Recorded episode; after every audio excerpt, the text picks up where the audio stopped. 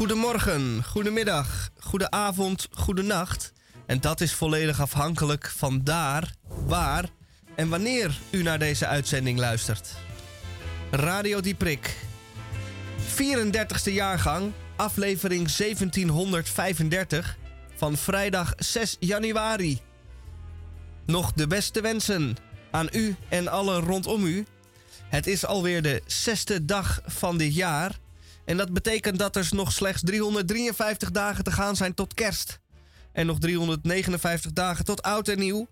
Dus uh, sla de oliebollen maar vast in. Wat hebben wij allemaal in deze eerste uitzending van dit jaar? Een hele hoop. Een DCVM, de column van Misha. En Misha, dat ben ik zelf.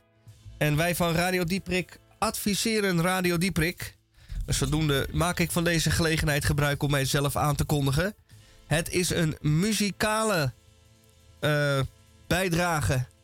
Een geluidsbehebbende DCVM. Verder hebben wij ook nog hier rechts van mij heb ik Tamon J. van Blokland. Goedemiddag. Ah, Michel, wat fijn dat ik er weer ben. Uh, ik ben vanmorgen uit het vliegtuig uh, gegooid op Schiphol. Uh, ja, we moesten er allemaal uit. En we moesten langs de Marseillais naar binnen. Dat is ook een rare sensatie. Want normaal in de Schengen, Schengenlanden hoef je niet langs de Marseillais naar binnen. Dan kan je gewoon doorlopen en dan ben je eruit en dan ben je thuis. Maar hier moesten er opeens langs, want we, kwamen, we zaten in een vliegtuig dat uit Chicago kwam. En oorspronkelijk dus zelfs uit New York. En, uh, en ik heb de hele nacht doorgevlogen. En toen werd mij het fenomeen ongelijkheid weer gewaar. Maar daar zal ik zo iets over vertellen straks. Een bijzonder fenomeen, wat, uh, wat, wat steeds maar toeneemt. Moet iets over zeggen. Als socialist zijnde. Daar zijn we erg benieuwd naar. Verder hebben wij ook nog de Krompraat. Onder de redactie van mevrouw de weduwe D. Den Denderen Edelenbos. Zeg maar Dora. En uh, verderop in de uitzending zouden wij eventueel wederom een reis naar een onbevlekt stukje aarde kunnen ondernemen. Maar dat ga ik even overleggen met mijn radiocollega. Want die is nou juist net uit een vliegtuig gestapt. En misschien heeft hij wel even behoefte met, uh, om met twee benen op de aarde te staan. En niet meteen weer naar het, een ander uithoek van, van de aardbol te vliegen. Maar daar hebben we het dan nog wel even over. En dan bij Radio Dieprik. Eerst maar even dit.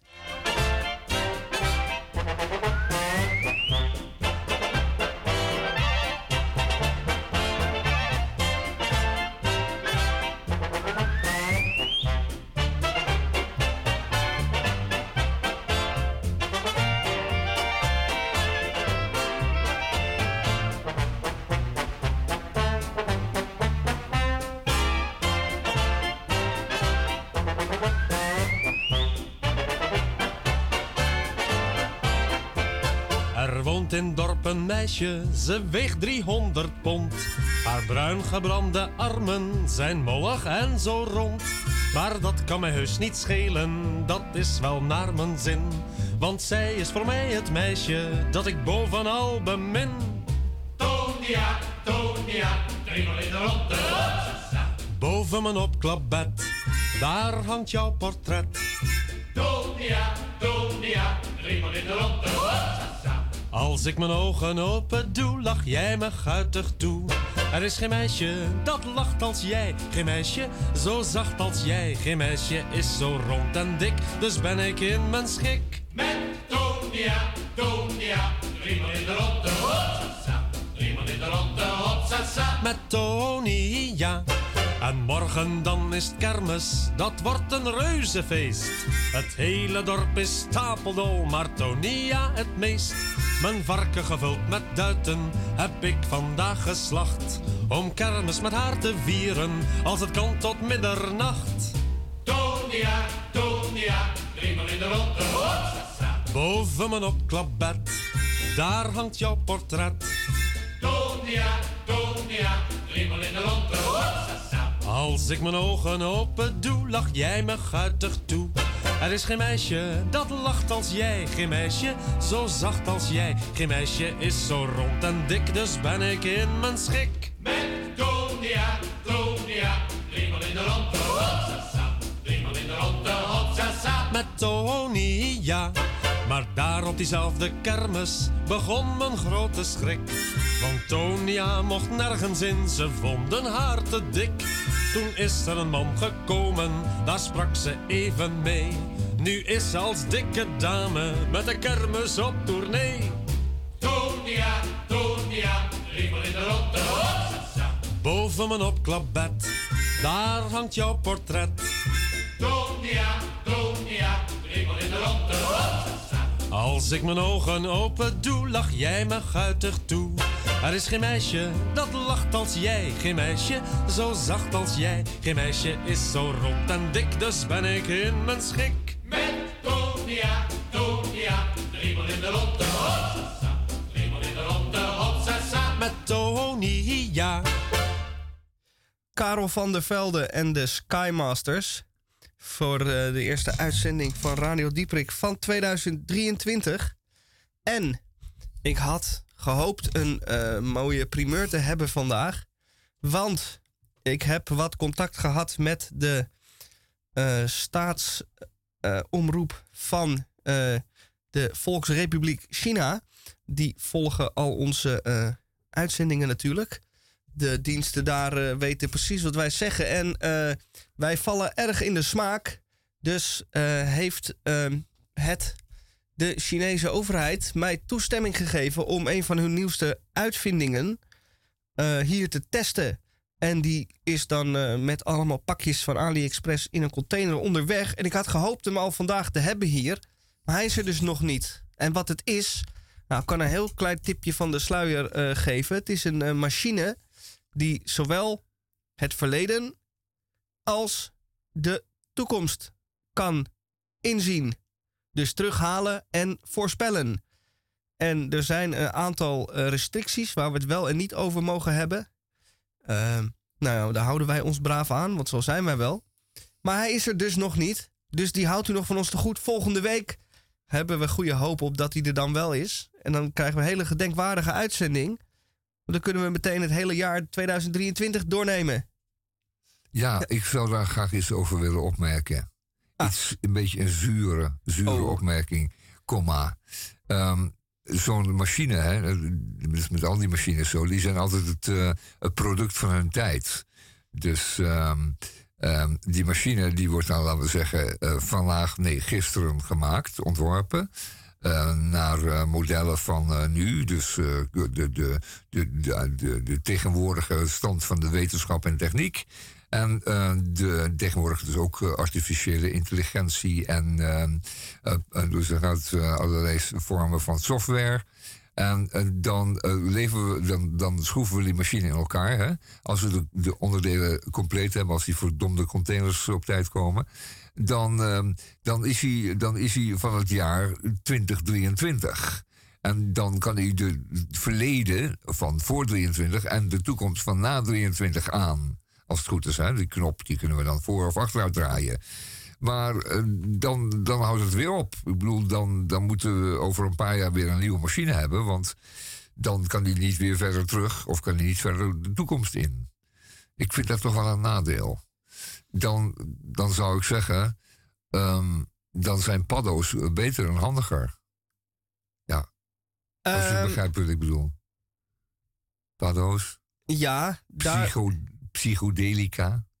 die eh, verruimen eh, de, geest Ja, en de blik. en de blik en de geest, ja. Die geven ook inzicht in eh, anders onzichtbare dingen. Ja, Zonder dat daar eh, CO2 bij uitgestoten wordt bij de productie ervan. of zware stookolie wordt verstookt. Ja. Juist. Ja. Ik, ehm, ja, nou, we Nou zitten, maar we zitten nu al helaas al vast aan het contract Ja, dat begrijp ik. met eh, de Chinezen. Jammer. Maar ehm, dan zullen we het eenmalig hierbij houden. Ja, het, eh, overigens is het gebouw van de Chinese staatsradio en televisie gebouwd door een Nederlander, hè, zoals we weten. Ah. Het is een heel opmerkelijk gebouw in de vorm van een, ehm, van een poort. Het is een poortgebouw. Dat wil zeggen, het bestaat uit drie delen, een horizontaal en twee verticale delen, aan elkaar gesmeed. Het is giga, gigantesk. En eh, hoe, de, hoe de architect weet, nou dat weet iedereen eigenlijk wel. Dat ga ik niet, vertel- niet vertellen, dat moet iemand weten. Iedereen moet dat weten. En de man is daarom verguisd. Kijk, daar is het. We hebben het al meteen in beeld. CCTV heet het. En ehm, het is inderdaad een poortgebouw, maar er, zit een knak in. Maar het, het werd verguisd eh, om... Nou ja, kijk, als jij voor de Chinese eh, staatstelevisie en radio gaat ontwerpen, dan word je ook betaald door hen. En dat is natuurlijk gewoon vies geld. Dat is eh, geld dat, dat, dat vrijkomt omdat eh, de Chinezen hun arbeiders natuurlijk al gewoon uitbuiten in, op oud-socialistische wijze. Niet Ja. waar? Maar Werken, anders hangen we je op op het marktplein. Dat is het idee. eh, de traditie van de Hollandse handelsgeest Ja, hoeft dat nooit een eh, probleem te zijn. Nee, natuurlijk. eigenlijk niet. Want, nee, want in de Groene Amsterdammer van deze week staat, eh, is een artikel over het geweld van de norm. En eh, hoe zit het nou met de koloniale overheersing na 400 jaar? Ehm, hebben we natuurlijk een probleem, want we hebben het natuurlijk altijd gehad over de successen daarvan. Eh, En dat hebben we vertaald in de literatuur. Eh, maar, maar nu opeens is het helemaal not done. Not done anymore. Om daar het over te hebben. Het zijn allemaal eh, underdogs. Dan gaan we een beetje, beetje pront zitten doen over wat we allemaal hebben, wat centjes hebben verdiend. Lastige kwesties zijn dat hoor. Onze musea hebben gevuld met eh fraaie kunstvoorwerpen. Afgepakt van de, van de natives. Nou ja, we hebben het erover.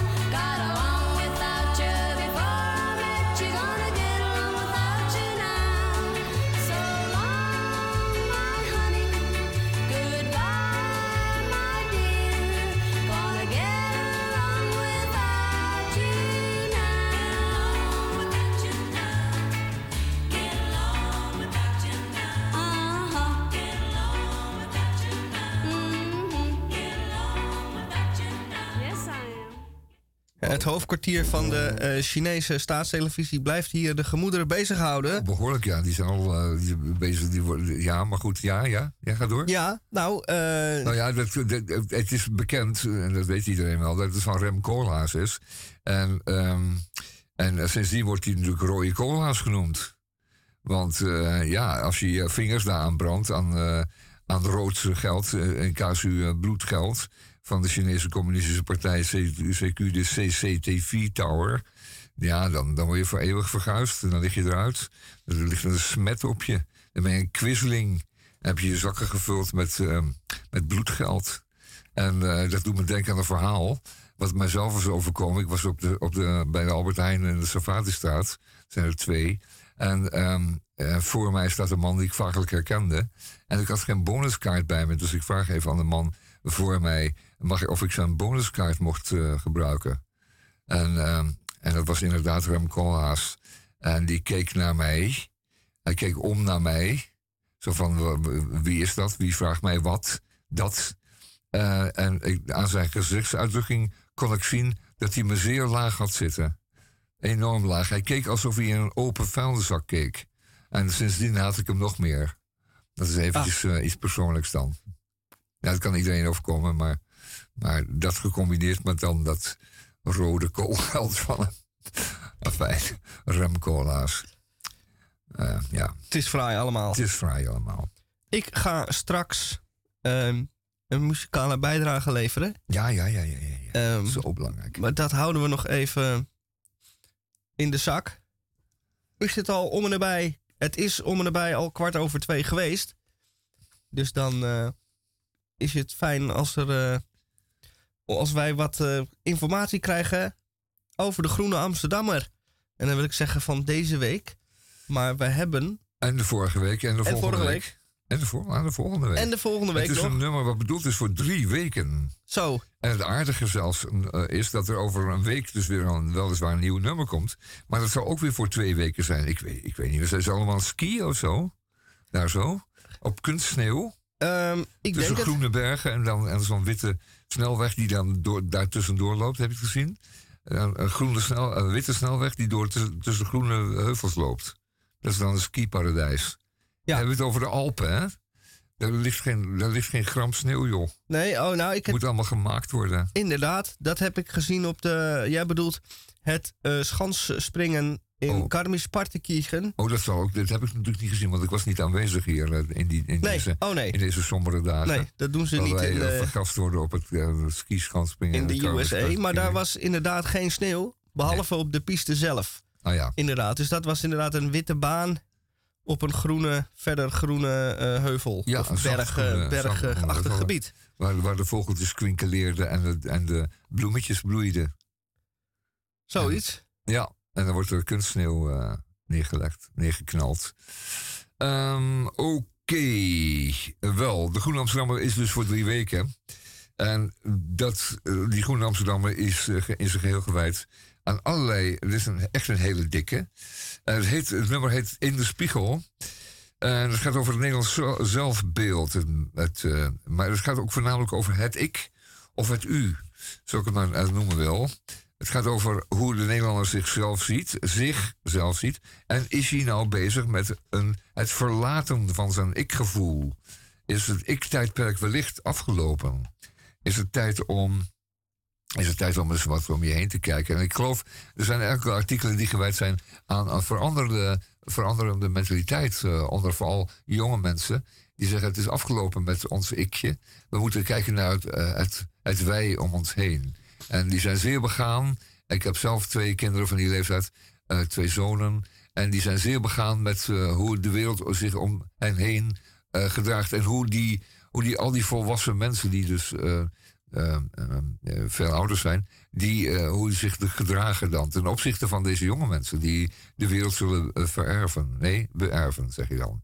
En, en met een stijgende zeespiegel, verdwijnen van de, van de natuur en vooral van de diversiteit van de natuur.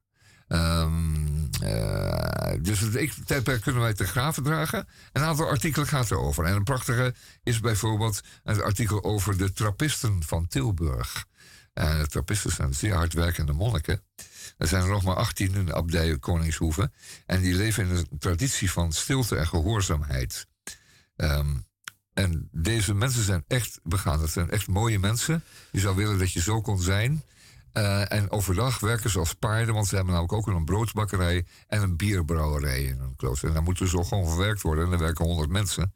Dus ze zijn ook nog een keertje ondernemers. Maar het zijn vooral trappisten. En dat is wel een heel mooi verhaal. Het is echt een pracht verhaal. 18 broeders komen zelden buiten. Ze leven sober, celibatair, in, in gehoorzaamheid. Een levensstijl gaat terug tot de 11e eeuw. Ehm, het is een Franse orde. Ehm, het zijn eigenlijk Benedictijnen. Ehm, in dit geval dan, eh dan trappisten. Ehm, je zou zeggen, prachtmensen. Leest u dat artikel in de Groene Amsterdam? Het is nog de moeite waard, want volgende week komt pas weer een nieuwe uit. En dan heeft u toch nog een heleboel leesplezier. En u heeft wellicht vakantie een paar dagen. En zo kom ik er dan op. Want ik was in de Verenigde Staten en daar hebben ze nooit vakantie. Men, men werkte alleen maar. En niemand weet waarom. Niemand weet waarom men werkt daar. Want het is het enige wat men doet en ook het enige wat men kan. En wat je ook gedacht, geacht wordt te doen. Dus ehm, werkeloos zijn, dat kan niet eens meer, want we hebben een hele lage werkeloosheid. Dus dan ben je meteen een zwerver. En, eh, dan heb, sta je meteen met een winkelwagentje in de hoek met de rommel daarin. Er is helemaal niks tussen. Verder bulkt het land van de, van de, de, de, rijkdom in de vorm van eh, automobielen. Dat was altijd al zo. Maar nu zijn het allemaal zwarte SUV's. En dat is een, eh, een SUV, dat is een soort landrover met vierwielaandrijving. En eh, die zien er allemaal uit alsof ze bij de Amerikaanse motor, presidentiële motorcade horen. Dus bij de, die optocht die er altijd is als de president komt voorrijden. Dan krijg je eerst vijf van die zwarte dingen. Dan komt de president uit in zo'n zwart ding. En dan komen er nog 25 van die zwarte dingen. Dat is de motorcade. En daar zitten allemaal mensen in van de geheime dienst en zo.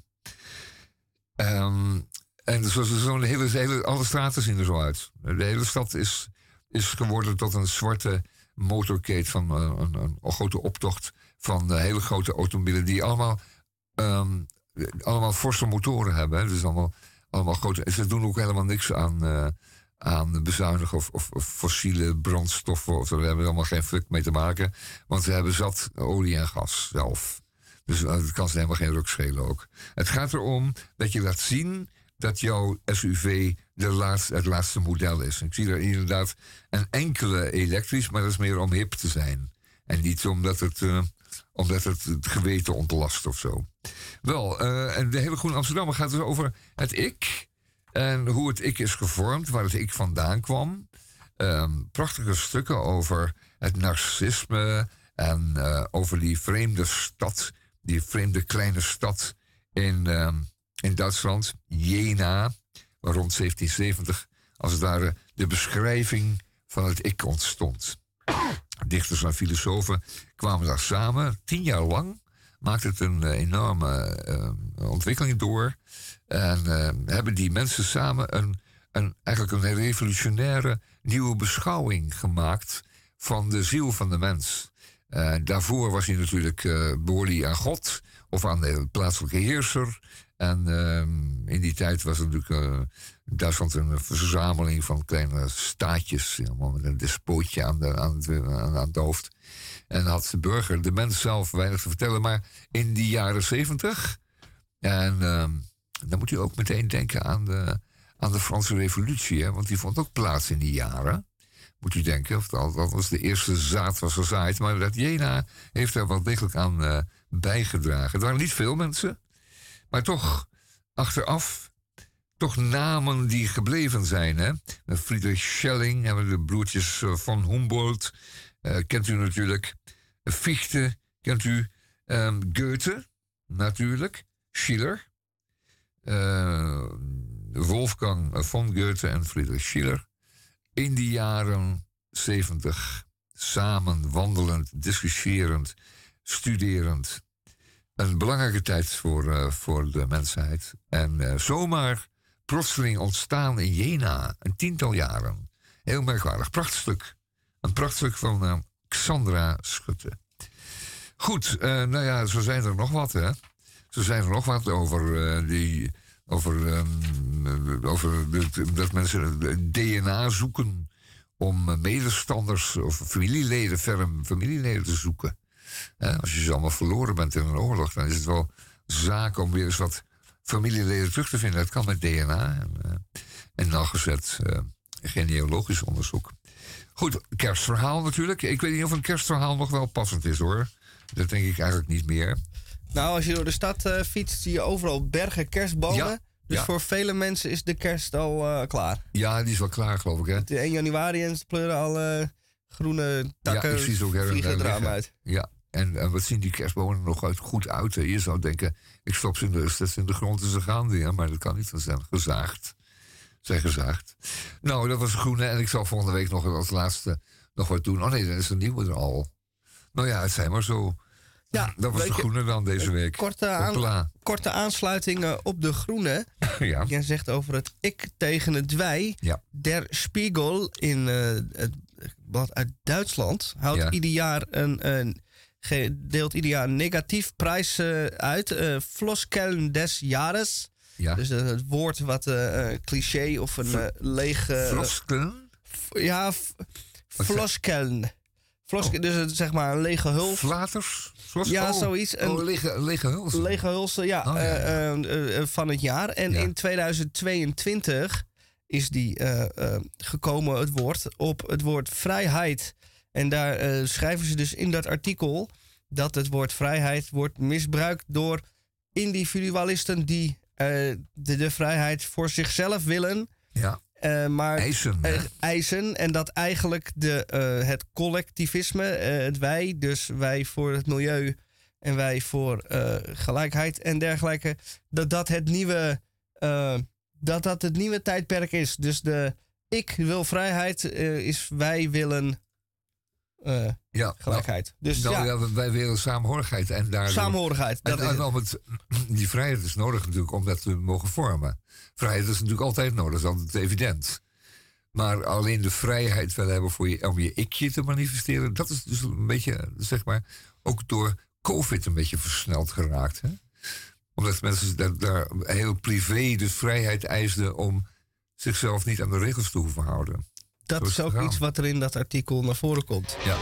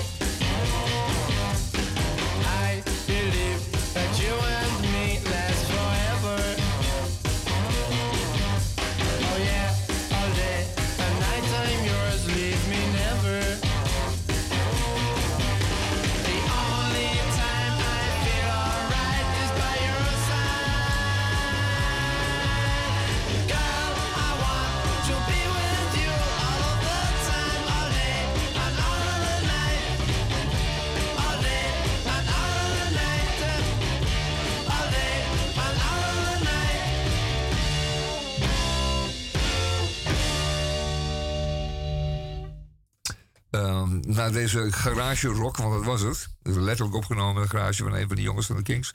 ehm, krijgen we nu een productie van onze eigen huismuzikus. En dat is Misha. Misha, Misha. En Misha is natuurlijk al een onvervreemdbaar onderdeel van de Radio Dieprik geworden. Maar eh, deze geniale gast, die heeft nu voor u een muzikale column. Althans, een column waar muziek in zit. Ja, dat mag je eigenlijk wel zo zeggen. Misha, ben je er klaar voor? Alsjeblieft dan maar. Gisteravond laat werd ik telefonisch benaderd door een mij onbekend figuur. Hij verontschuldigde zich voor dit onzedelijke uur. Maar mijn act van morgenavond ligt ziek op bed, vervolgde hij. Dus na lang nadenken en de halve wereld afgebeld te hebben, kwam je uit bij mij. Jij met jouw liedjes, weet ik nog van vroeger. Dat kun je vast nog heel goed. De opdracht luidt: een liedje, speciaal geschreven voor het bruidspaar. Dat is hoe je wordt geprogrammeerd. Je krijgt een boekenbon en twee toosjes hummus. Ben jij geïnteresseerd? Volmondig riep ik ja. Ik schrijf een liedje, maakt u zich maar geen zorgen. Oh ja, nog één ding, zei de beller. Het liedje moet op de piano gespeeld worden. Nou, tot morgen.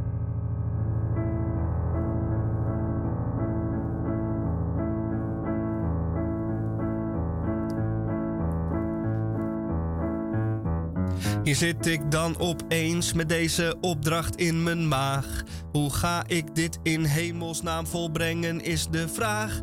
Ik speel al mijn liedjes stevast op gitaar. Maar nu moet het met piano en dus ben ik de sigaar, want dat weet ik niet meer. Nee, dat kan ik niet meer.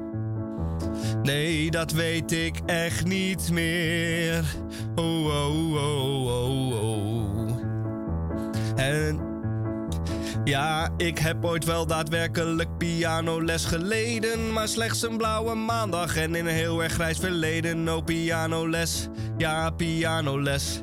Oh, wat heb ik toch gedaan bij die pianoles? Oh, ik graaf en graaf en vraag mij af hoe zat het ook alweer. Maar hoe graag ik het ook wil weten, nee, ik weet het echt niet meer. Akkoorden en triolen, ik heb het allemaal geleerd. En ook de quintescirkel heeft de revue gepasseerd op die pianoles. Ja, pianoles. Oh, wat heb ik toch geleerd op de pianoles? En ik doe nogthans mijn beste les te recupereren. Maar helaas kun je je vaardigheden over tijd verleren. Ja, dit wordt helemaal niks. Het zweet staat op mijn rug, maar ik moet eraan geloven. Nee, ik kan niet meer terug. Oh, pianoles. Ja, pianoles. Stanislav Manolev, geef mij pianoles. Deze opdracht die is prestigieus en de gage mooi. Er zal iets moeten komen, dus doe ik maar een gooi. Oh. Oh, jongens, ja. Nee, dit klinkt ook nergens naar. Nee. Oh. Oh, oh, oh. Ik blijf maar toetsen rammen, ook al is het vruchteloos. Ik ben maar een klojo en zeker geen virtuoos. Ik moet eraan geloven, dus ga ik maar voort. Maar tot dusver blijf ik steken op dit ene akkoord. En na een maat of acht heb je dat ook wel gehoord. Ja, pianoles. Oh, pianoles. Oh, wat heb ik toch geleerd op die pianoles. Oh, ik leun met mijn hoofd achterover. Ik sluit mijn ogen en ik probeer die pianoles van vroeger voor me te zien. In mijn dromen. Nou, en zo doen we dan dus. eh Misha, zit je wel op te letten? Je zit nou weer uit het raam te kijken. Ja, ja. Ja, ja hoor, ik zie het wel. D- doe maar gewoon. Oké, nou. Wat ik je nu laat zien, dat is heel belangrijk. Eh, als je dit kan, dan kun je altijd overal piano spelen. Maakt niet uit waar, de vraag of een auditie of een optreden. Maar als je dan dit doet, wat ik je nu laat zien... dan zal je de rest van je leven altijd piano kunnen spelen. Let op, ik doe het één keer voor. Komt-ie.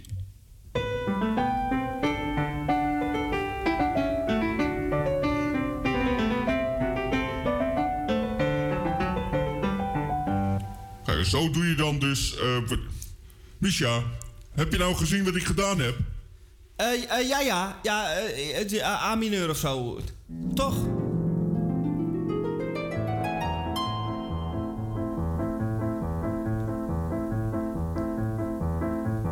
Had ik maar wat beter opgelet. Had ik maar wat beter opgelet. Had ik bij die pianoles maar beter opgelet. Bij die verdomde pianoles beter opgelet. Dan had ik hier niet zo gestaan. En ging mijn carrière niet naar de maan. Maar daar heb je nou niks aan. Nee, daar heb je nou helemaal niks aan. En met mijn handen in mijn haar weet ik, ik ben de sigaar. Morgenavond sta ik daar als een leugenaar. Was een piano maar een gitaar, dan was ik voor zessen klaar. Maar daar heb je nou niks aan. Nee, daar heb ik nou niks aan. Daar heb ik nou helemaal niks aan. Oh, wat moet ik nou? Had ik maar beter mijn best gedaan. Had ik maar beter mijn best gedaan. Had ik maar beter mijn best gedaan. Ik heb het allemaal laten gaan. Ik heb niet opgelet.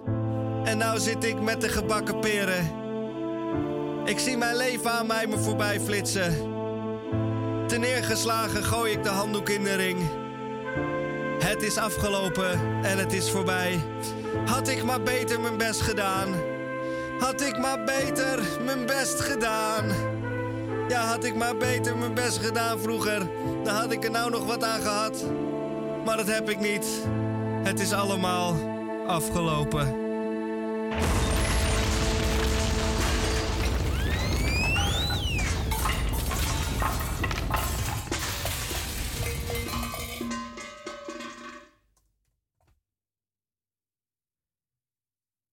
Het is allemaal afgelopen. Ja, het is prachtig. Je hebt wel talent, vind ik, eh, om aan piano te spelen.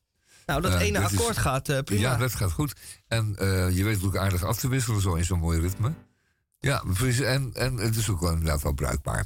Nou, inderdaad, die piano is helemaal niks van jou. En eh, die gitaar is stukken en stukken beter. En een, een piano is alleen maar dienstbaar als je hem weet te bespelen. En dat we nog maar even gewoon zeggen waar het op staat. En, en met de gitaar, dat heeft u net bij de Kings gehoord in een garageversie.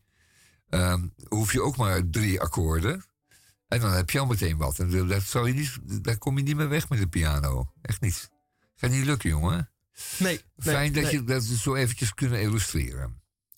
En een mooi lied, wat je daar zong, zeg. Dat, eh, beseft u wel, mensen, dat hij dat hier gewoon in de studio live doet voor u. Wat een unieke zaak is natuurlijk. Dat krijgt u zomaar allemaal cadeau. Dat is niet allemaal ingeblikt. Nee, dat is meteen vers, ehm, eh, vers gesneden. Net zoals kaas op de markt. Wilt u een stukje proeven?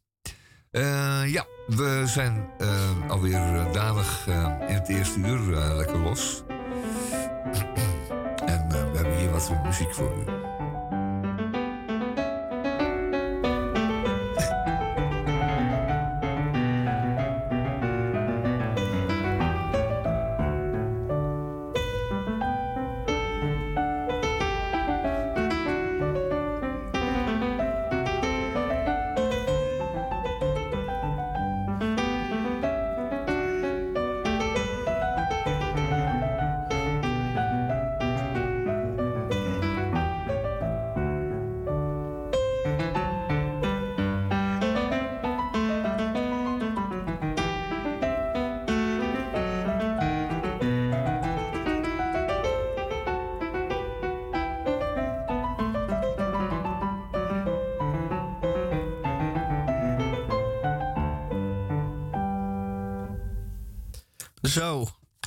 dan zitten wij hier in de studio terwijl ik het papiertje met de kromwoorden voor me pak. En dat papiertje is een beetje leeg. Nog. Maar dat komt omdat eh, het resterende gedeelte nog in de faxmachine zit. Althans, het papier in de fax was op. Dus dat moet even vervangen worden. Dat gaan wij dadelijk doen. En dan zullen wij. Ja, wel lastig te krijgen hoor, steeds meer. Een faxrol kopen, jongen. Dat is een, hele opgave tegenwoordig. Komt Zeker. op de hoek, maar dat is voorbij. Dat Eh, gaat zo 1, 2, DA 3 niet meer. er eh, nee. Ja, nou goed, het lukt ons nog even. Ehm, het eerste woord, Misha. Het eerste woord eh, sluit aan op deze week, namelijk ivoornemen. En ehm, ja, daar moet ik dan nu hals over kop wat eh, uit bedenken.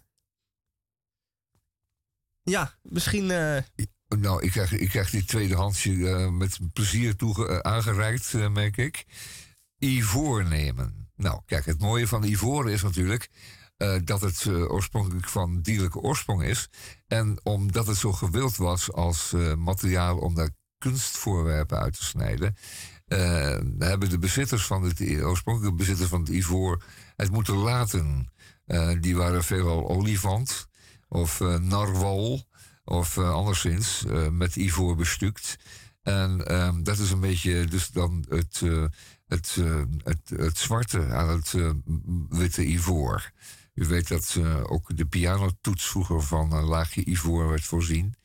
Eh, samen met het zwart van het ebbenhout vormde die het samen het eh, klavier. Dat is al niet meer zo. Maar in ivoor nemen is dus een, een, een voornemen om geen ivoor meer eh, te gebruiken in uw, eh, in uw voorwerpen. Niet nodeloos. Daarbij komt, het is wereldwijd nu verboden om in ivoor te handelen. Je mag het nog wel bezitten, maar ehm, erin handelen is over. En dan betekent dat ogenblikkelijk dat er een zwarte markt voor ivoor ontstaat en waar ook weer tonnen ivoor aan, eh, aan, eh, aan, aan, aan doorgaan, eh, mee gemoeid zijn, zou je kunnen zeggen. En die zijn vrijwel voornamelijk alleen afkomstig van olifanten en in het bijzonder van Afrikaanse olifanten. Want wat is daar nou weer mee? Ehm, die worden in wildparken, ge- laten we zeggen, gedoogd, die olifanten. Maar zij zijn zo groot en sterk dat ze soms de, wildparken verlaten. En dan worden ze een menace, een, eh, een, een kwelling voor de omwonenden. Want dan worden hun moestuintjes gesloopt. En dan gaat zo'n eh, olifant gaat afleggen. En dan moet die worden eh, afgeschoten. En dan moet, dient de ivoor dient, eh, terug te vallen aan de eigenaar van het wildpark. Maar dat gebeurt dan dus niet. Die komen op de zwarte markt terecht. En uiteindelijk in China, waar er opnieuw dan eh, kunstvoorwerpjes van worden gesneden. En dat zijn vaak waardeloze, eh, slechte en lelijke kunstvoorwerpjes die daar in, eh, in winkels voor de toeristen terechtkomen. Ivoornemens zijn mede daarom belangrijk, want ehm, eh, ook als u op, op reis bent in zo'n ver land en u wordt wat aangeboden, vraagt u altijd van, is dit wel legaal ivoor? Dan zal men altijd zeggen, ja, dat is zo.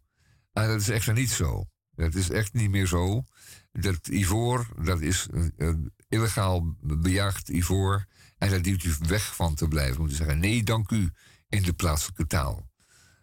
En dan, eh, ik kan ook zeggen, fuck you in de plaatselijke taal of iets daaromtrent. Een ivoornemen is dus inderdaad een, ehm, voornemen dat, ehm, dat eh, mooier van toon is geworden, omdat die ivoor eh, schaarser is geworden. Dat zou je kunnen zeggen. En eh, het mag ook wel, want een voornemen is wel iets heel speciaals. Dat doe je namelijk bijna altijd alleen maar op de eerste dag van het jaar. Een voornemen. Ik zal er nu eens wat van maken. En een voornemen van, eh, van ivoor is dan nog waardevoller en nog meer bijzonder. Nou, ik vind Dus het wel is een uitstekend woord. interessant wat je zegt.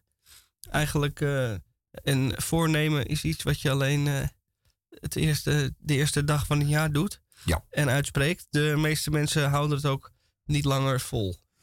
Nou ja, maar het is weer. Het, Hooguit het is wel week. belangrijk dat je, dat je je zo wat doelen stelt. Hè. Je moet wel zeggen van ik ga dit jaar toch maar eens een, een- echt een keertje een vreemde taal leren. En ik ga Italië van de zomer, dus ik ga daar zes maanden aan besteden. En dan kan ik netjes in Italiaans zeggen wat ik wil in de winkel en op brood. En eh, tegen eh, de vrouw die ik ontmoet. Op welke wijze ik eh, seksueel bevredigd wil worden. En dergelijke. Allemaal netjes in, in het Italiaans. Heel waardevol.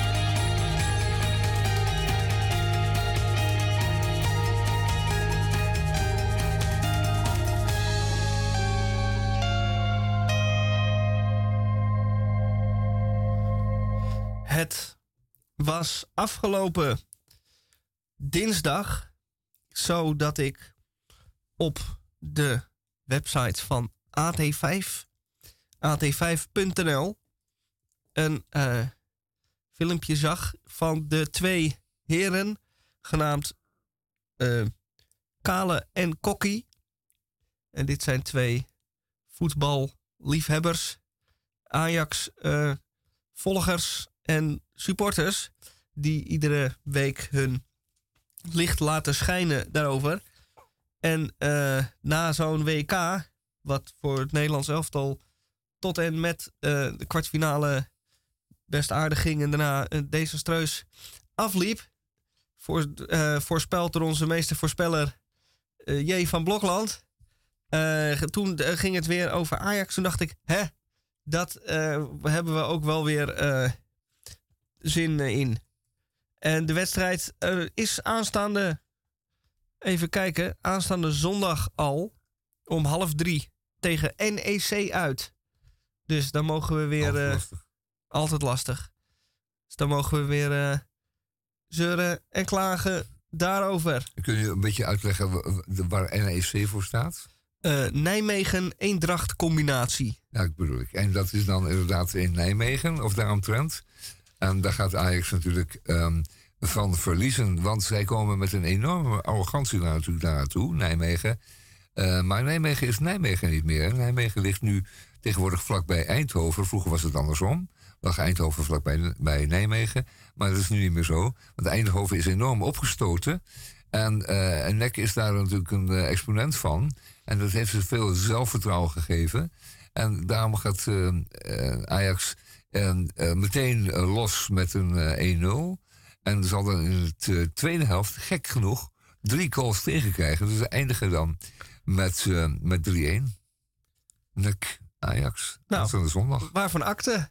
Nou, dat wordt nog wat. Heel gênant. En, die- en, dan, en de bus zal niet bekogeld worden, maar wel vanaf de eh, viaducten worden beplast door diverse Ajax-supporters. Nou, Goed, ik denk We dat gaan het allemaal meemaken. ja, deze ene wedstrijd mensen net nog kunnen Oh, hebben. Ik krijg alweer een kwade, meteen een kwade mail. Je binnen. wordt direct eh, aangesproken. Oh, jee. Nou, je hebt mensen juist behoed van een eh, vervelende middag, want ze weten dat ze nu toch niet hoeven te kijken. dat is het. Oh, dat, was, dat was nou ook weer niet nodig.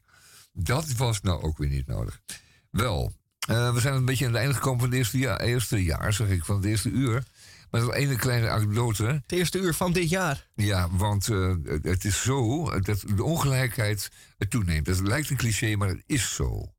En hoe komt het nou? Eh, omdat eh, mensen die veel geld hebben, en daar gaat het in dit geval compleet over, die zijn ongevoelig voor de noden van de mensen die dat niet allemaal hebben. En dan krijg je dus het volgende fenomeen. Een Boeing 787 een enorm vliegtuig, wat vooral erg lang is. Vroeger waren eh, vliegtuigen dik en nu zijn ze heel lang en slank. En als je daar van achteren naar voren kijkt, dan zie je een hele lange gang. En eh, daar wordt achtereenvolgens achterin wordt daar economie gevlogen. En, eh, dat, en dan de stoelen worden naarmate je naar voren gaat, naar, richting cockpit. En, en eh, worden de stoelen ruimer en luxueuzer. En dat eindigt dan in de eerste klasse, premium klasse. En daar zijn de stoelen, ehm, laten we zeggen, gegroepeerd rond een aantal kastjes waarin tv staan en versnapperingen. En de stoel zelf is geheel verstelbaar. Met voeteneind en je kunt er allemaal heel makkelijk in slapen. Je kunt hem helemaal plat leggen. En je kunt er fijn in zitten. En er zijn eh, allerlei aansluitingen voor uw videoapparatuur en uw laptop. U kunt er gewoon werken. En dan een heel klein kamertje krijg je dan. Dus elke, elke stoel is dan een klein kamertje geworden. Terwijl dan achterin eh, eh, mensen bij elkaar op schoot moeten. Ten einde dus de, reis te volbrengen. Dat is heel gênant. Dus wat ziet wat ongelijkheid is. En eh, het vliegtuig was voornamelijk bevolkt met eh, Nederlandse, eh, Nederlandse mensen die van een bezoek aan de Verenigde Staten terugkwamen. En je zag dus ook dan dat de, dat de, de vermogens, het geld, zich ook door het vliegtuig bewoog. Dus van voor tot achter. Heel merkwaardig, een mooie metafoor voor onze maatschappij. En wat bleek? Dat er altijd nog veel meer mensen in economy zitten dan in de eerste klas. En laat u dat gezegd zijn. En wat een belachelijke eerste klas dat is, zeg. Hey. En weet je het ook eens zo? Dat, dat besef je niet. Maar eh, we komen nu in de laatste zin. Die mensen worden altijd als eerste bediend. Dan denk je, ja, godverdomme, dan hebben ze zo'n lekkere stoel en dan wordt het ook nog een keer... Nou ja, dat, is dat heeft er allemaal mee te maken. Helaas. So let me say again, het dan. happy. Shout it out. Yeah, get happy now. Out. Well, now there is no doubt you've a lot to shout about. Give a yell, life is swell. Shout it out. Hey there, little girl. Don't be sad. There's such good times to be had. Count your blessings one by one. Life's a ball, after all, have some fun. I said, come on, get happy. Shout it out. Yeah, get happy now. Shout it out. Well, there is no doubt you've a lot to shout about. Give a yell, life is swell. Shout it out. While there's good food you can taste. While there's music, life's no waste. While there's great things happening, there's no end to the joy life can bring. I said, come on, get happy. Shout it out. Yeah, I get happy now. Shout it out. Well, now there is no doubt you've a lot to shout about. Give a yell, life is swell. Shout it out. As long as there's someone you can love. As long as bright stars shine above, you've got no reason to be blue. Think what it means when your dreams all come true. I said, come on, get happy. Shout it out. Yeah, get happy now. Shout it out. Well, now there is no doubt you've a lot to shout about. Give a yell, life is swell. Shout it out. I said, now there is no doubt you've a lot to shout about. Give a yell, life is swell. Shout it out.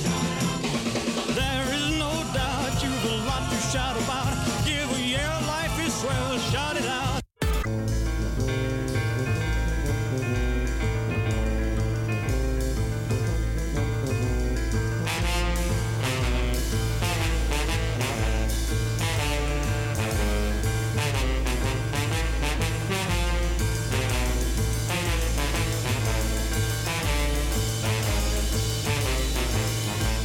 Goedemorgen, goedemiddag, goedenavond, goedenacht. En dat is volledig afhankelijk van daar, waar en wanneer u naar ons luistert. Ik ben Misha en dit is Radio Dieprik. Het 34ste jaar, aflevering 1735 van vrijdag 6 januari. Het is alweer de zesde dag van dit jaar en dat betekent dat er nog slechts 353 dagen tot kerst zijn. Dus aftellen geblazen. En wat schaft het tweede uur? Wij gaan toch even de wereld rond. Want wij willen toch eens even kijken wat er elders eh, op aarde eh, te doen is. En de jetlag van Tamon is eh, min of meer ingedaald. Dus dat ehm, hè, moet geen probleem vormen. Ik zat net ook even te kijken of ik ergens een zonvakantie kon boeken.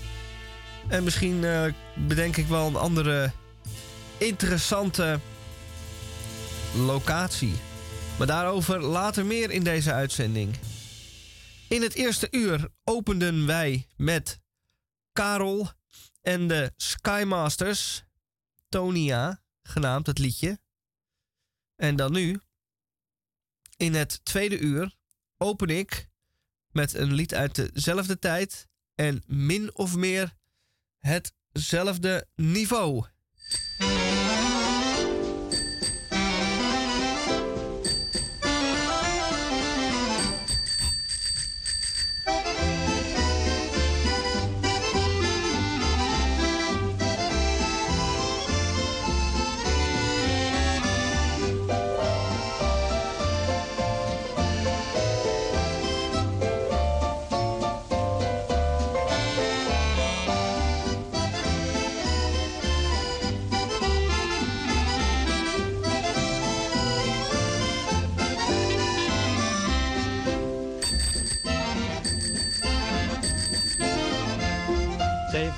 Nog pas 16 en op de HBS. Zij gaf hem chocolaatjes, hij maakte vaak haar les. Hij kwam haar altijd halen, maar pa had veel bezwaar. Zo werd een list verzonnen en zei hij zacht tot haar.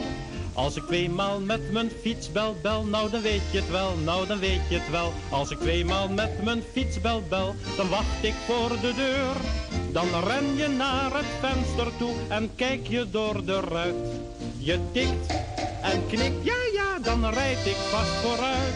Als ik tweemaal met mijn fiets bel bel, nou dan weet je het wel, nou dan weet je het wel. Als ik tweemaal met mijn fiets bel bel, dan betekent dat kom snel.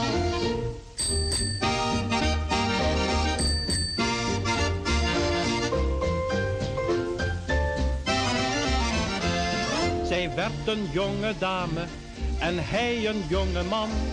En als hij haar kwam halen, zei ma er niets meer van. Maar vroeg zij bij een afspraak, weet je hoe laat je komt? Dan was nog net als vroeger het antwoord altijd prompt. Als ik tweemaal met mijn fiets bel bel, nou dan weet je het wel, nou dan weet je het wel. Als ik tweemaal met mijn fiets bel bel, dan wacht ik voor de deur. Dan ren je naar het venster toe en kijk je door de ruit. Je tikt en knikt, ja ja, dan rijd ik vast vooruit. Als ik tweemaal met mijn fiets bel bel, nou dan weet je het wel, nou dan weet je het wel. Als ik tweemaal met mijn fiets bel bel, dan betekent dat kom snel.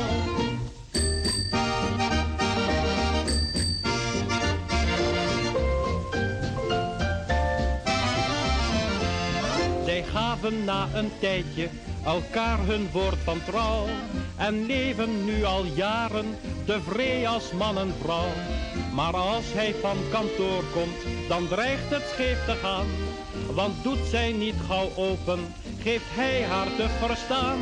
Als ik tweemaal met mijn fiets bel dan weet je het wel, dan weet je het wel. Als ik tweemaal met mijn fiets bel bel, dan hang ik voor de deur. Dan hol je dadelijk naar de trap en ruk je aan het touw. Je zoekt mijn toffels en mijn krant, daarvoor ben je mijn vrouw. Als ik tweemaal met mijn fiets bel bel, nou dan weet je het wel, nou dan weet je het wel. Als ik tweemaal met mijn fiets bel bel, dan betekent dat kom snel.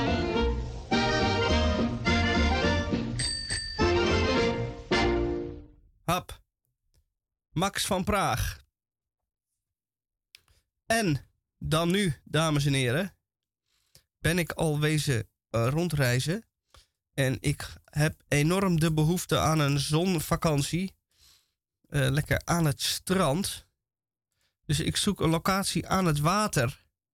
En nou ben ik wel ergens een kustlijn gevolgd.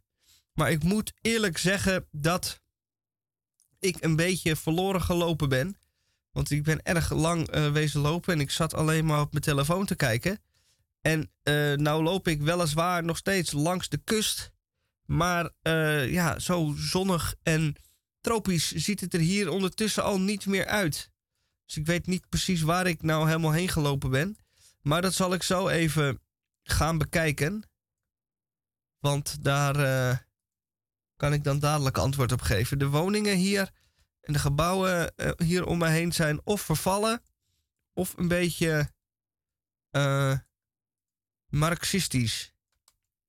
Dus dat is erg bijzonder. Dit is niet de vakantie die ik voor me had gezien. En dit zijn ook geen bestemmingen die door D-reizen worden aangeboden, denk ik. Hoop ik. Want als je hier met je gezin en je opblaaskrokodil terechtkomt, dan eh, heb je het niet goed getroffen. Nou, omdat dit verder een nieuw jaar is met eh, een nieuwe. eh, we er een nieuw elan aan kunnen geven. Want dat is het wel natuurlijk. Als het zo begin januari is, dan denk je, hè, het eh, eh, nieuwe jaar is nog een blanco vel. Daar kunnen we nog van alles van maken. En naarmate de tijd vordert, uh, zakt moed uiteraard in de schoenen. Maar nu nog niet. Dat is het fijne aan zo'n begin van het jaar. Dat we er allemaal nog zin in hebben. Nou, ik ook. Dus dan draai ik even een liedje voor u.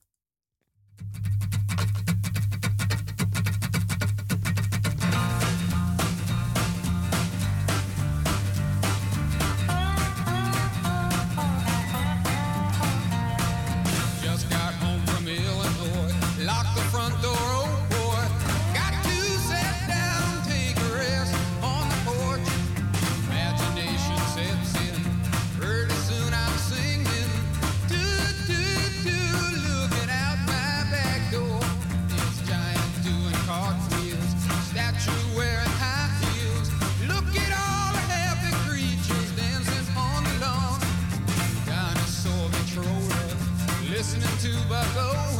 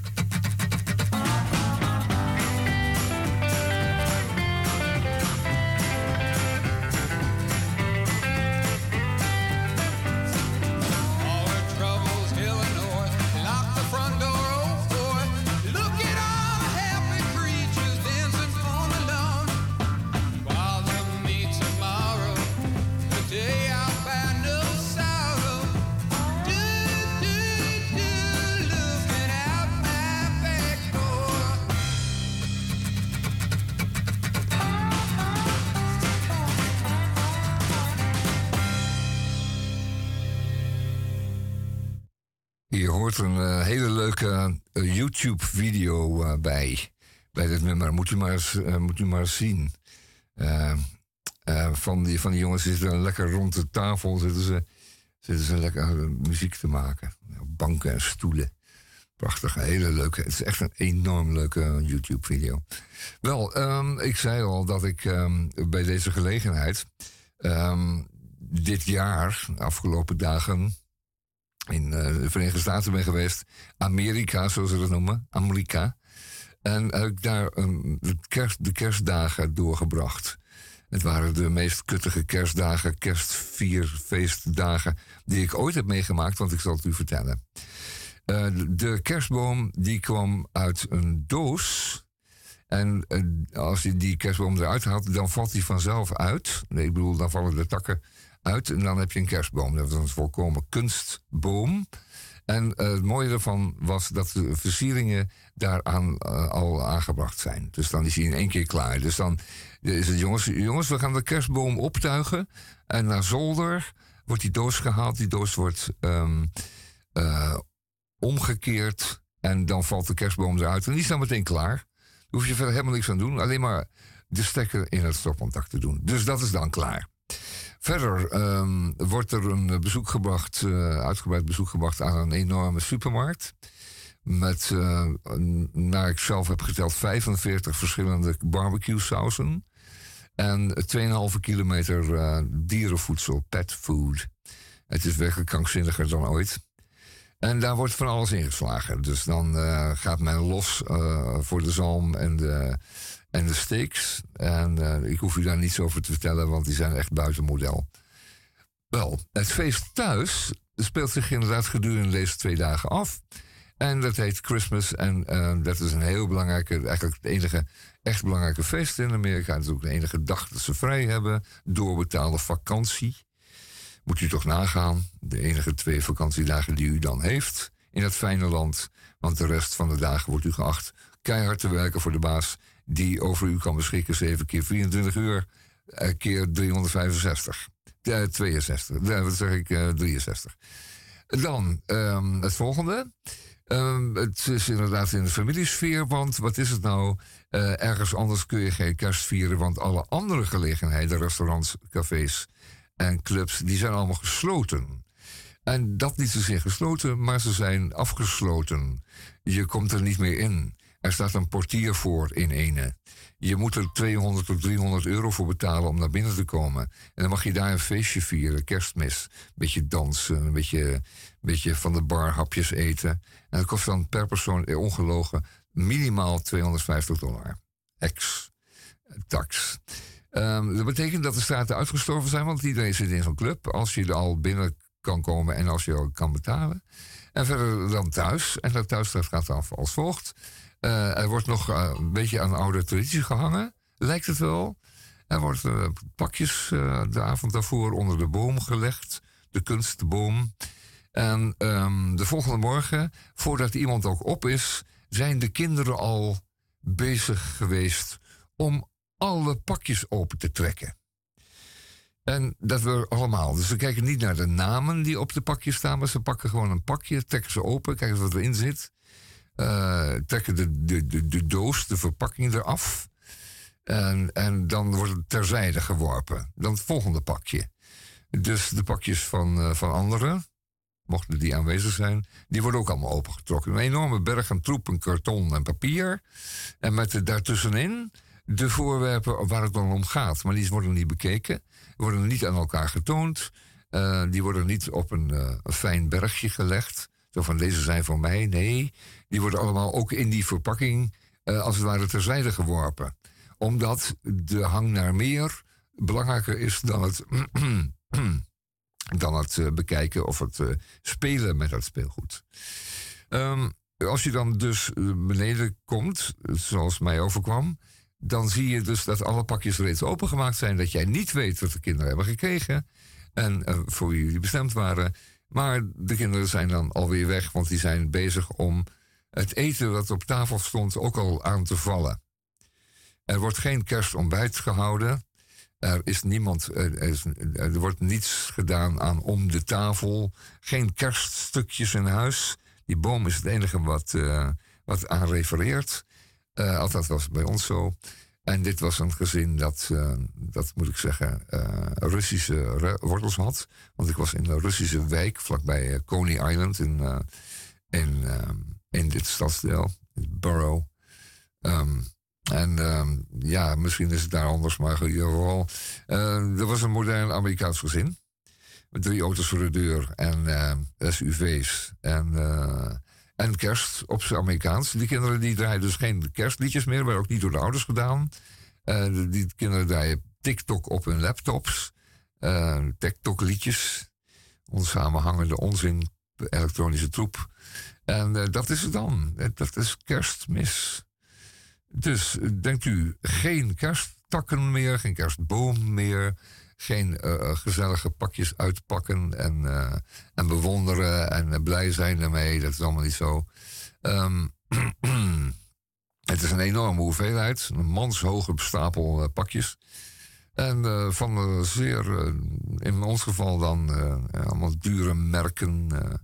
Jassen en dassen en handschoenen en, en, en skischoenen en, en skipakken. En god weet wat er allemaal bij zat. Mijn hemel nog toe zeg. Duizenden dollars werden aan die kinderen gespendeerd.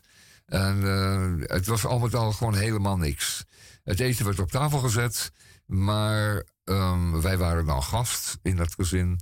Eh, maar de gasten kwamen daar niet aan toe, omdat de kinderen al eh, daaraan, ehm, die waren al langs geweest. En die hadden al het lekkerste al uitgevreten. En dat zeg ik dan bij, eh, bij uitzondering dan, dat vreten. Ehm, ik, ik vond het een dystopisch soort kerst, waarbij nog alleen maar, als het ware, het eh, materiële nog eh, gold, maar verder ook helemaal niks meer. Er was geen enkele kerstgedachte, geen, geen overweging, geen, geen, geen referentie. Niet eens meer aan sneeuw bijvoorbeeld. Wat er niet, ook niet buiten lag op dat moment.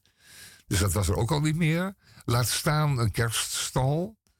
Nou ja, Eh, ik kan nog even doorgaan, maar man, hemel. Mijn god, dat was toch wel echt niet mis. Ik ga iets, eh, ik ga iets pakkends draaien. Ehm, straks gaan we naar een andere plaats op de wereld. Ik zie dat we al ehm, de bearings hebben. En dan komt uh, Micha en die zal ons vertellen waar we zijn dan. Ehm, we moeten even kijken of we wat pakkende muziek eh, kunnen vinden. Uh, zal het toch wel. Ja, dit maar. Uit betere tijden.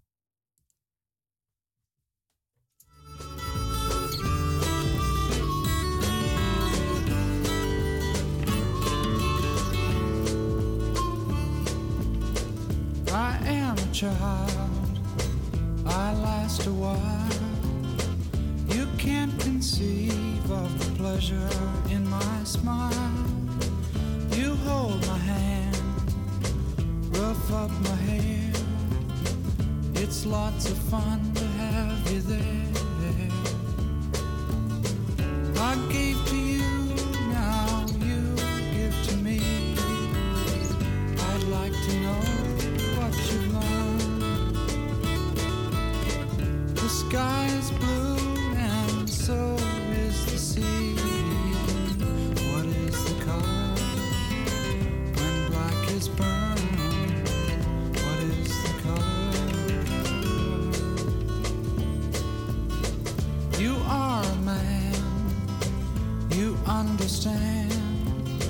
you pick me up and you lay me down again. You make the rules, you say what's fair. It's lots of fun to have you there.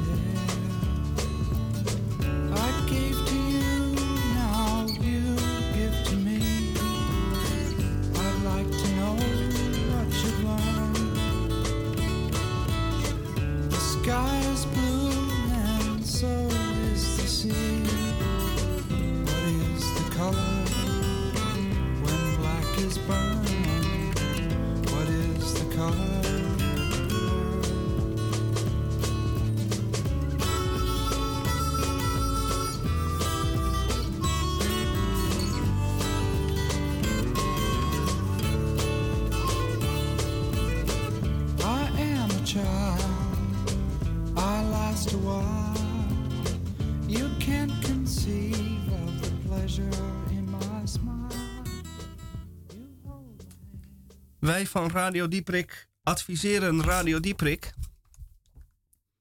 En wij zijn ondertussen geland in een deel van de wereld waar u misschien niet als eerste aan zou denken als vakantiebestemming. En daarom gaan wij er juist naartoe. Magadan, Oblast Magadan, eh, aan de kust. En welke kust dan wel? De golf van Okutsk. Ochokst. Het is eh, zo onuitspreekbaar. maar we zijn dan in het stadje Magadan. En laten we daar dan even wat gaan eten aan het park bij Dodo Pizza. Want waar ter wereld je ook komt, de Italiaanse lekkernij kunt u overal vinden. Zo ook hier. Wij hebben hier een kinderspeelparadijs in het restaurant gelegen. En wij houden enorm van eh, spelende kinderen tijdens het dineren. Ehm, ja, dit is een restaurant wat toch wel voornamelijk op kinderen gericht is. Zo zie ik hier bij Dodo Pizza. Wij gaan zitten en we krijgen als voorgerecht balletjes met een schijfje citroen ernaast. Dus dat is geen pizza, maar dat geeft niet, want wij moeten eerst het een eten voor het ander eh, eten. En eh, nou, het is op dit moment gelukkig niet zo druk. Er zitten wat kinderen met eh, pizza's. En voor de rest kunnen we even onze telefoon opladen. En ehm, nou, de kinderen krijgen een feesthoedje op. Er is ook aan ons vriendelijk gevraagd in het Russisch of wij ook een feestmutsje, hoedje op willen. Maar dat willen we niet. Want we willen gewoon pizza eten. Kijk, en hier is onze eerste pizza. En die gaan wij eens even verorberen. Wat zie ik? Plakjes ham. En iets wat zwart uitgeslagen. eh, ja, champignon. Ja, dat eh, is hoe het hier groeit in, eh, in het verre, verre oosten. Groeit, ben je bedonderd. Dat is niet, dat is niet gegroeid. Dat is gewoon, dat is gewoon geblakerd in de pan. Ah, oh, het is... Hoogst merkwaardig. Ja, dat, dat, dat doen ze wel vaker, dat blakeren. Dat geeft namelijk een hele lekkere branderige smaak aan het voedsel. Ah. Het is een beetje een eh, merkwaardige hang naar, eh, naar smaak maken. Maar wij, wij beginnen daar niet aan. Nee. Nee, dat doen we niet. En eh, die witte eh, substantie daartussen is, neem ik aan. Ehm, dat zal wel iets van een, zuur, een zure room zijn of zoiets. Een vorm een van combinatie kaas. van, zwarte, zwart geblakerde champignons. Plakjes worst, zo te zien. Niet zozeer ham. Hamachtige worst, zal maar zeggen. Dan eh, wat blekerige pizzabodem. Mm, en, en die, en die eh, zure room. Ja, het is wel een hele merkwaardige combinatie. Ehm, u weet dat de pizza oorspronkelijk natuurlijk gewoon rood, groen, ehm, eh, wit was. Nou, de Ja. kleuren van de Italiaanse vlag. Tricolore. Tricolore. En daar houden we het dan verder bij. En al die malle eh, toevoegingen die zijn eh, door alle niet-Italianen bedacht. Wilt u een Italiaan boos maken, dan moet u met allemaal gekke toevoegingen komen.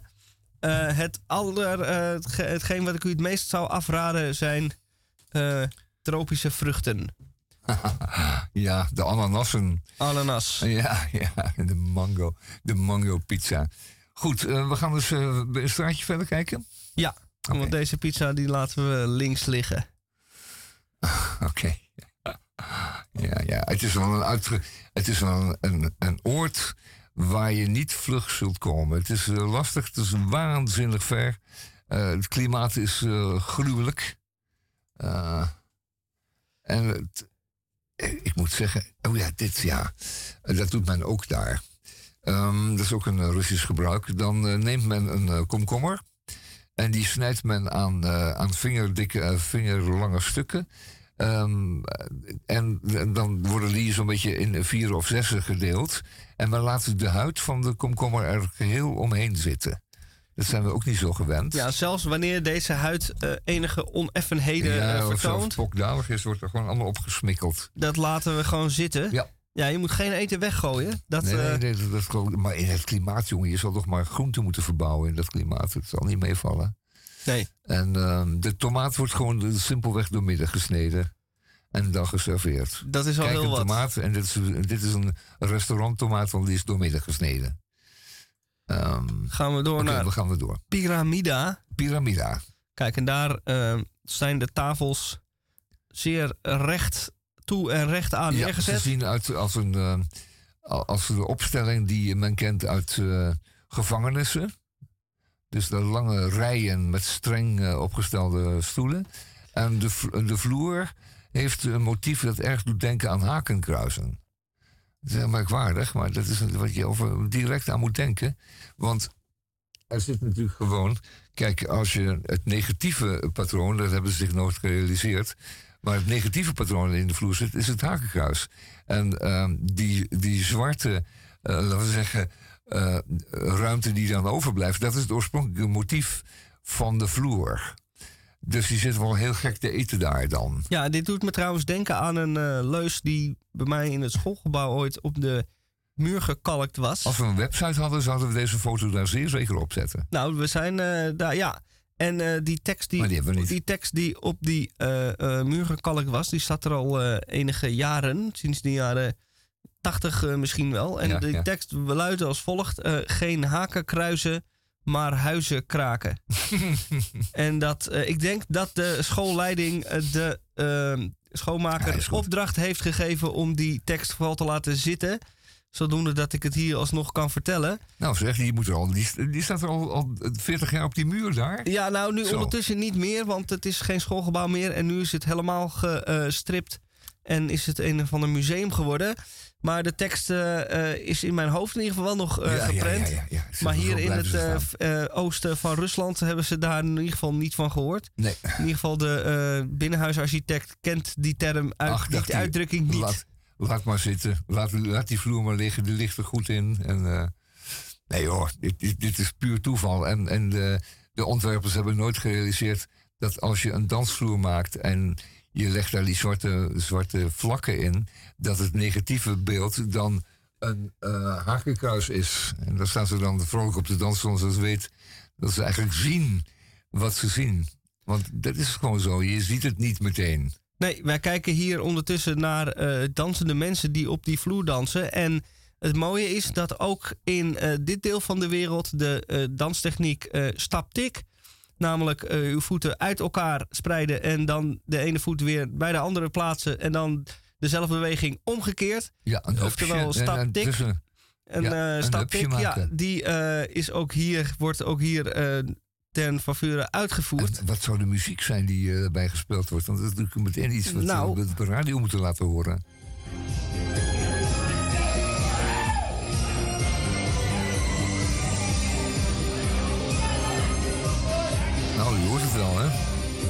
Je hoort het. Feestelijkheden. Nou, de eh, flessen wodka vliegen hier ook om de oren. En ik denk dat het na eh, een paar van dat soort glaasjes het ook niet echt meer uitmaakt welke nee, muziek het horen ook valt. niet dat, de, dat je op de dakenkruisenvloer staat te dansen nee, natuurlijk. nee, nee. Ja, het, ehm, wat ik al zei, de opstelling van het meubilair is eh, streng. En ehm, dit is een heel. We komen nu meteen tot, een, eh, het eh, het meest eh, eh, spraakmakende gerecht van dit restaurant. Hoe heet het restaurant ook weer? Pyramida. Ja, Pyramida. En dat is een eh, breiwerkje. Men eet hier breiwerken. Ja, je zou zeggen, dat doe je niet, daar maak je sokken van of sjaals of zo. Nee, men eet hier breiwerken. En eh, het is een, een gerecht dat geserveerd wordt op een, eh, een eh, ellipsvormige schaal. Waarbij de punten van de ellips worden bevolkt door eh, partjes eh, citroen met dille. En kleine bergjes zwarte caviar. En het hoofdgerecht dat zich gevleid laat op, het, op het middengedeelte van de schaal. En dat is geïllustreerd met dunne lijntjes. Ja, dunne witte lijntjes. Het is een rood materiaal. We zullen niet precies weten wat het is. Misschien is het wel een bietenpulp. Of is Nou, het een... ehm, Het interessante is aan, eh, als we even kijken... maar die witte lijntjes zijn buitengewoon Nou, intrigerend. het interessante is, als we hier even naar kijken, is Ja. dat je zou denken dat het hier een zoetigheid betreft met waarvan de witte lijntjes een gesuikerde glacé is. Maar dat zou natuurlijk kunnen. Echter is het bord waarop het geserveerd wordt in de vorm van een vis. Oh, vis, ja. En aan Ja. zowel de kop als de staart van het visvormige bord liggen eh, schijfjes citroen en wat lijkt op olijven. En dat lijkt me nou niet lekker bij een bosbessentaart. Ik denk dat het olijven zijn. En die is wel, dille is, de, is het kruid dat, eh, Ja, dat ik zie. maar dat eet je niet bij Zijn- Is het geen bosbessenvruchtentaart. zwart eh caviar? Want het is wel weer een tamelijk, tamelijk Russisch ding. Zeker. Maar wat is dan het hoofdgerecht zelf? Nou, Waar bestaat dat uit? Eh, dat is... Hoe heet het overigens? Kun je het, kun je het vertellen? Nee, het is? dat kan ik niet vertellen. Maar staat het erbij? Of weet men dat Eh, altijd? het Want staat erbij, ik heb nog nooit maar het is in een eh, schrift wat ik niet machtig ben eh, ja. geschreven. Dus dat, dat spreekt niet iedereen. eh, over... eh, wij gaan er eens even diep over nadenken wat wij hier voor ons hebben. En Ja. dan laat ik u een lied horen van een, eh, Russische zanger, genaamd Vitas. Die ooit deelnam aan het Songfestival in 2003 uit mijn hoofd. Maar dat eh, moet u even... eh, eh, dat houdt u me nog goed. Seventh Element. En dit nummer is ehm, eh, beroemd geworden over de hele wereld door een bijzondere zangtechniek die deze Vitas toepast in dit nummer. Seventh Element. Ik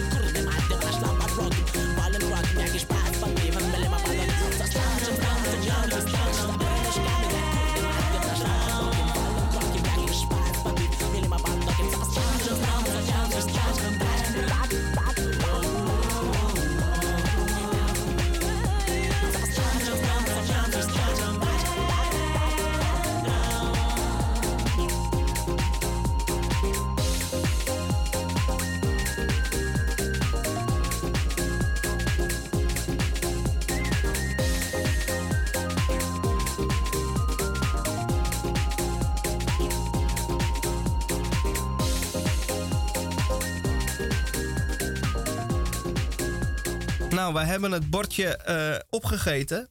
En het was, werd ons eigenlijk bij de eerste hap al duidelijk dat we hier niet met bosbessentaart eh te maken hadden. Maar met iets anders, wat wel degelijk eh, knalrood gekleurd is. Het was, naar bij navraag heette het Shuba Salad. Althans, zo werd het in het Engels aan ons vertaald. En het is, houdt u vast, een haringsalade. Haringbietensalade. Ja, zoals wij die ook gewoon kennen hoor. Ja, op zijn Russisch. Ja. Ja, op zijn Russisch, maar er is niet veel anders dan eh, onze. Ik denk dat onze daar gewoon rechtstreeks van afkomstig is. En oorspronkelijk schijnt die te komen uit de Oekraïne. En er zijn allerlei varianten op van. En die variant die wij zagen in het restaurant helemaal daar bij Kamchatka. eh, Dat is gewoon een eh, versierde versie. Het is gewoon dezelfde haringsalade met dezelfde ingrediënten. Zoals wij die ook kennen. Zure haring, wat zeg ik, bieten, eh, aardappeltjes, veel, allemaal veel, heel klein gesneden. Ehm, en tot salade verwerkt. Kappertjes en, eh, en, en, en eh, zure bom, of wat weet het, agurken. En, dan en dan versierd met dunne, eh, dunne lijntjes. Mm, zal het dan toch mayonaise zijn? Wellicht? Ja, dat, dat denk ligt ik voor de hand, maar het zou ook wel gewoon zure room kunnen zijn. Een hele dunne lijntjes eroverheen en een patroon. Een heel dicht patroon. Goed, dat dus. Moeten we daarvoor naar Kamchatka?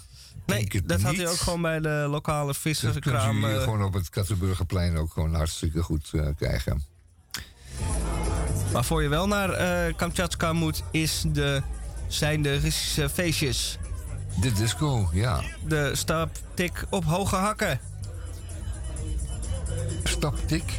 Staptik. Oh, staptik. Dat is de danstechniek. Ja. Dus je zakt een beetje door je knieën. Dan doe je je voet opzij. En dan trek je je andere been weer bij. En die tikt dan die voeten aan.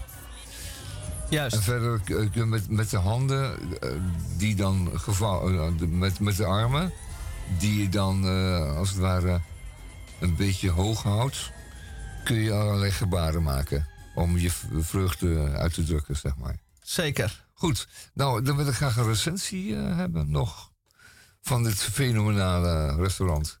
Ik zie daar een hele leuke. Kijk. Ja, een bloemetje van zalm. Nou, dat is ook heel origineel. Dat deden we hier 15 jaar geleden ook. Goed, recensie.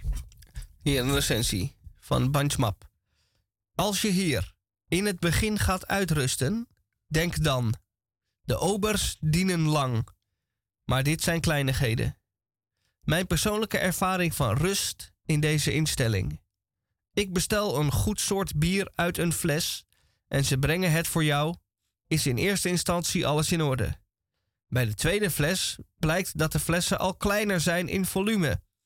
Zou dat misschien komen gewoon doordat hij meer drinkt? Ja, dan beginnen zijn oogjes te vernauwd te Ja. worden. En dan lijken die flesjes kleiner. Maar goed, ga door, ga door. Maar dan is het meest interessante dat ze je bier van een onbegrijpelijke consistentie zonder schuim en gas.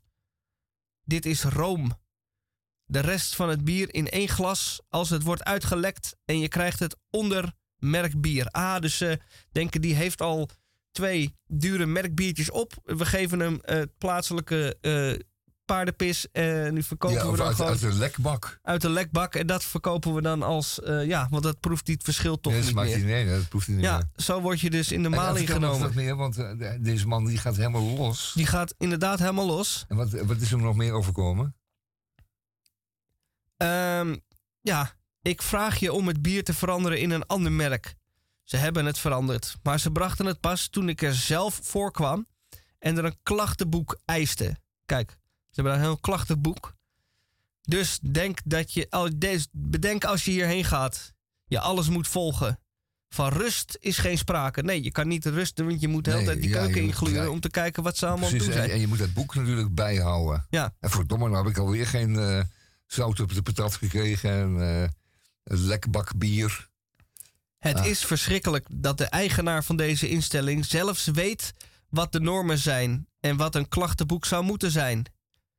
Staat hier ook nog? Het klachtenboek hier is gewoon een soort notitieboekje. Ja, Oh. ja, en geen ringbandje. Of een multomap. Maar een, gewoon een, een notitieblokje. Een notitieblokje. Waar je zo de blaadjes uitscheurt als ze je niet bevallen. Dit is ook, eh, we hebben hier net eh, eh, vanaf afstandje met onze bietensalade staan kijken naar mensen die de stap tik eh, tot in perfectie uitvoerden. Maar hier hebben we dus Anna Manila en die schrijft het volgende. De DJ houdt geen rekening met de mening van de bezoekers. Antwoord grof. Men krijgt het gevoel dat hij niet specifiek, specifiek op verzoeken ingaat. Je lijkt te betalen voor de service van het restaurant, maar uiteindelijk smeek je om de service. De keuken is walgelijk. Verbrande rubberen spiesjes van schapenvlees dat een natuurlijke dood stierf. De, dag ervo- de dag ervoor de salades van gisteren. Ach. Kijk, dat is mooi hè? De dag ervoor de, de salaris van gisteren, van de dag daar weer voor. Zo, ja. Ja, dat, is dan wel, dat wordt dan wel heel oud. Maar die verbrande spiesjes, die- dat, is, dat doet het hem wel. De keuken is walgelijk. De portiegrootte is slechts micro. Micro portiegrootte? Lula kebab is vuur gedroogd. Eén lula wordt gehalveerd. Het wordt uitgegeven als twee. Top gedaan. Niet dus.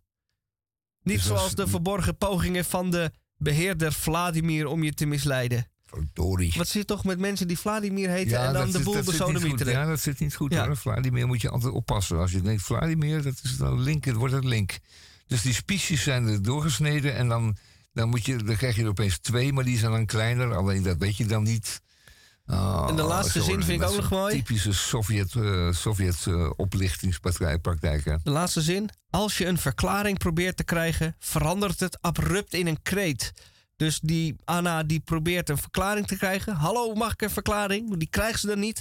En voor ze het weet, slaakt ze een noodkreet van geef me een verklaring. Maar die krijgt ze niet. Dus Of, die- of wordt die kreet opgewekt door de, door de eigenaar en die spiesjesbakker? oh, dat dat de verklaring is. Die Ja. verklaring komt in kreetvorm Oh weer ja, terug. ja zij, eist een verklaring en dan geeft die spiesjesbakker geeft haar een kreet uh, terug, retour. Ja. Van, eh, en dat zal wel iets zijn van hou je dom eh, eh, en eh, puntje, puntje, puntje of zo. Of eh, maak, bemoei je er niet mee, vuile puntje, puntje. Of iets, iets, iets nagenoots. Ja, zoiets zal het wel zijn. Het is een lelijke wereld. En om er dan helemaal naartoe te rijden. Ik ga er wel een weg naartoe trouwens. Het is wel ver hoor. Dan moet je helemaal. Gaat zeker een weg moet je naartoe. bij, bij Moskou moet je rechtdoor. En alsmaar rechtdoor moet je langs de. Heel lang rechtdoor. Ja, dan moet je heel lang rechtdoor. Hoeveel kilometer is dat naar schatting? ik, ik, misschien, ik denk dat heel het wel, veel. dat het wel 12.000 kilometer is. Voor een eh, doodgebakken spiesje. Voor een dat vuurgedroogd Vuurgedroogd eh, spiesje. spiesje. Zwart geblakerd. We gaan eens even kijken. Dat is een pizza met eh, zwarte champignons. Vanaf de pakhuis De Zwijger. Ja, pak het zwijgen. Hier gewoon de straat uit. Ja, Oh ja, even ja. kijken. Via de P504. Ja. 167 uur, ja.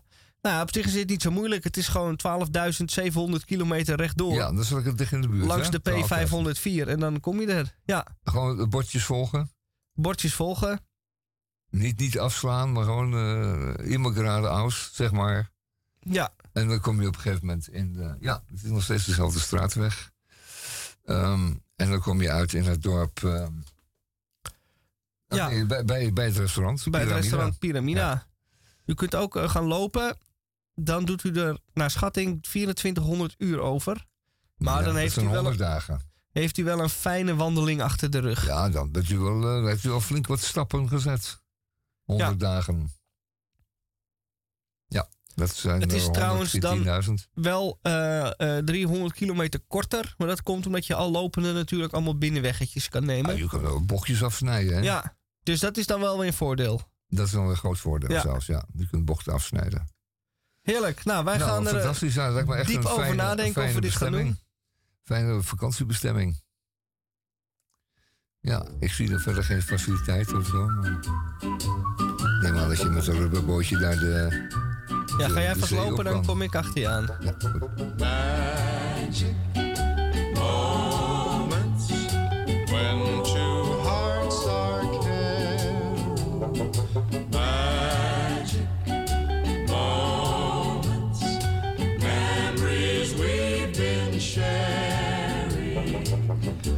never forget the moment we kissed the night of the hayride.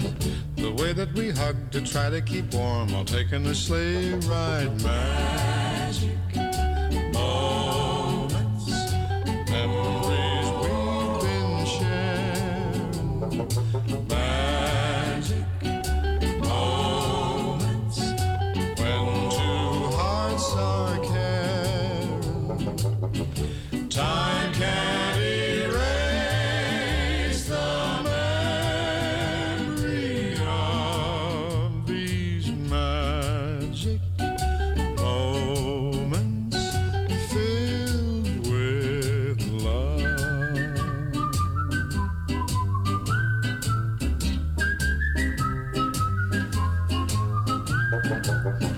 telephone call that tied up the line for hours and hours.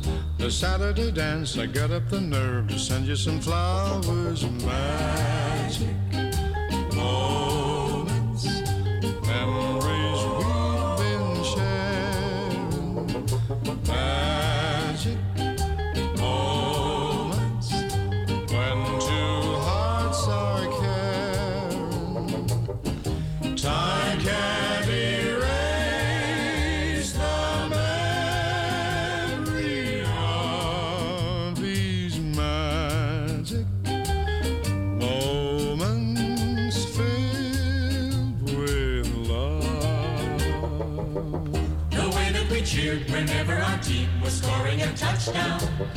The time that the floor fell out of my car when I put the clutch down. The penny arcade, the games that we played, the fun and the prizes. The Halloween hop when everyone came in funny disguises. Magic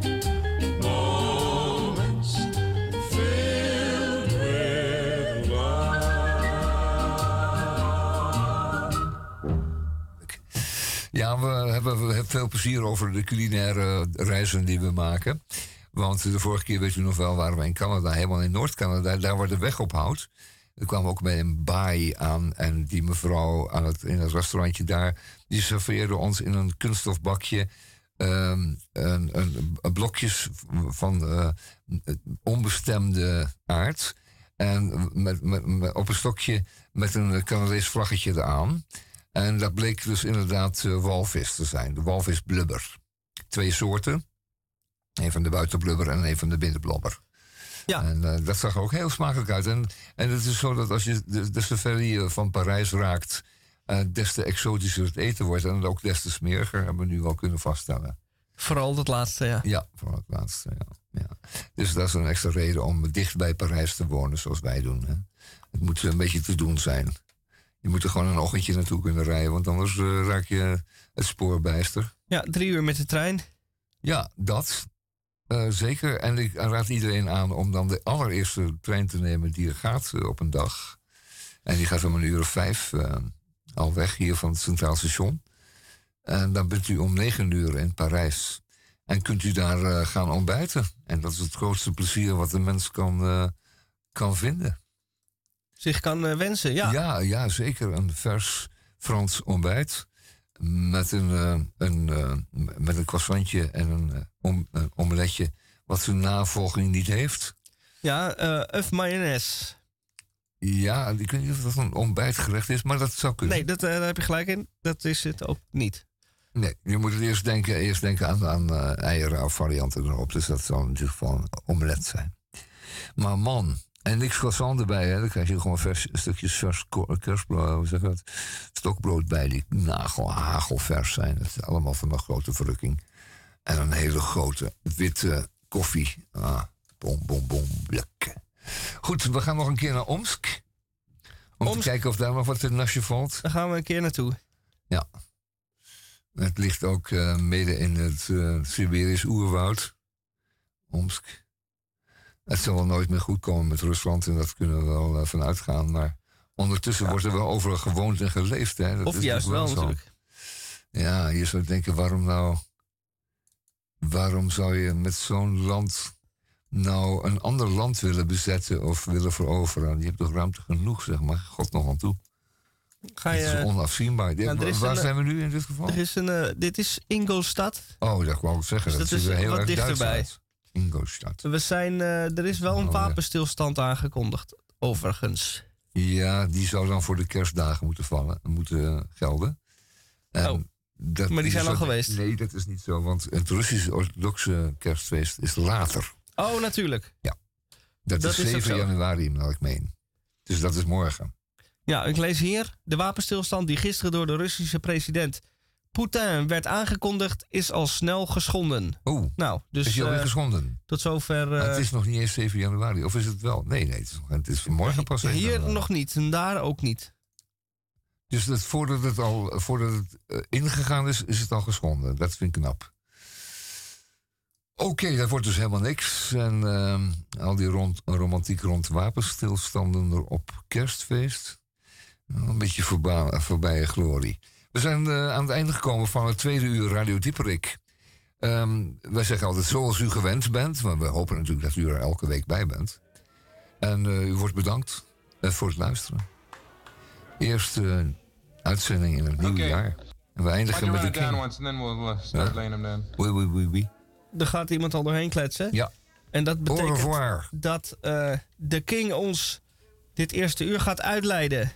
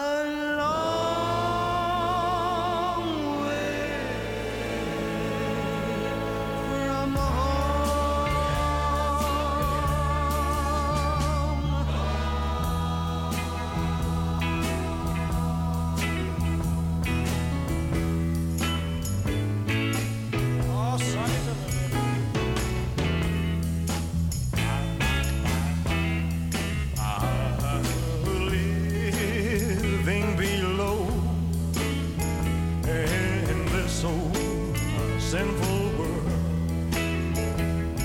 Hardly a comfort can afford. Wow, wow, wow. Gospel segment one, take one.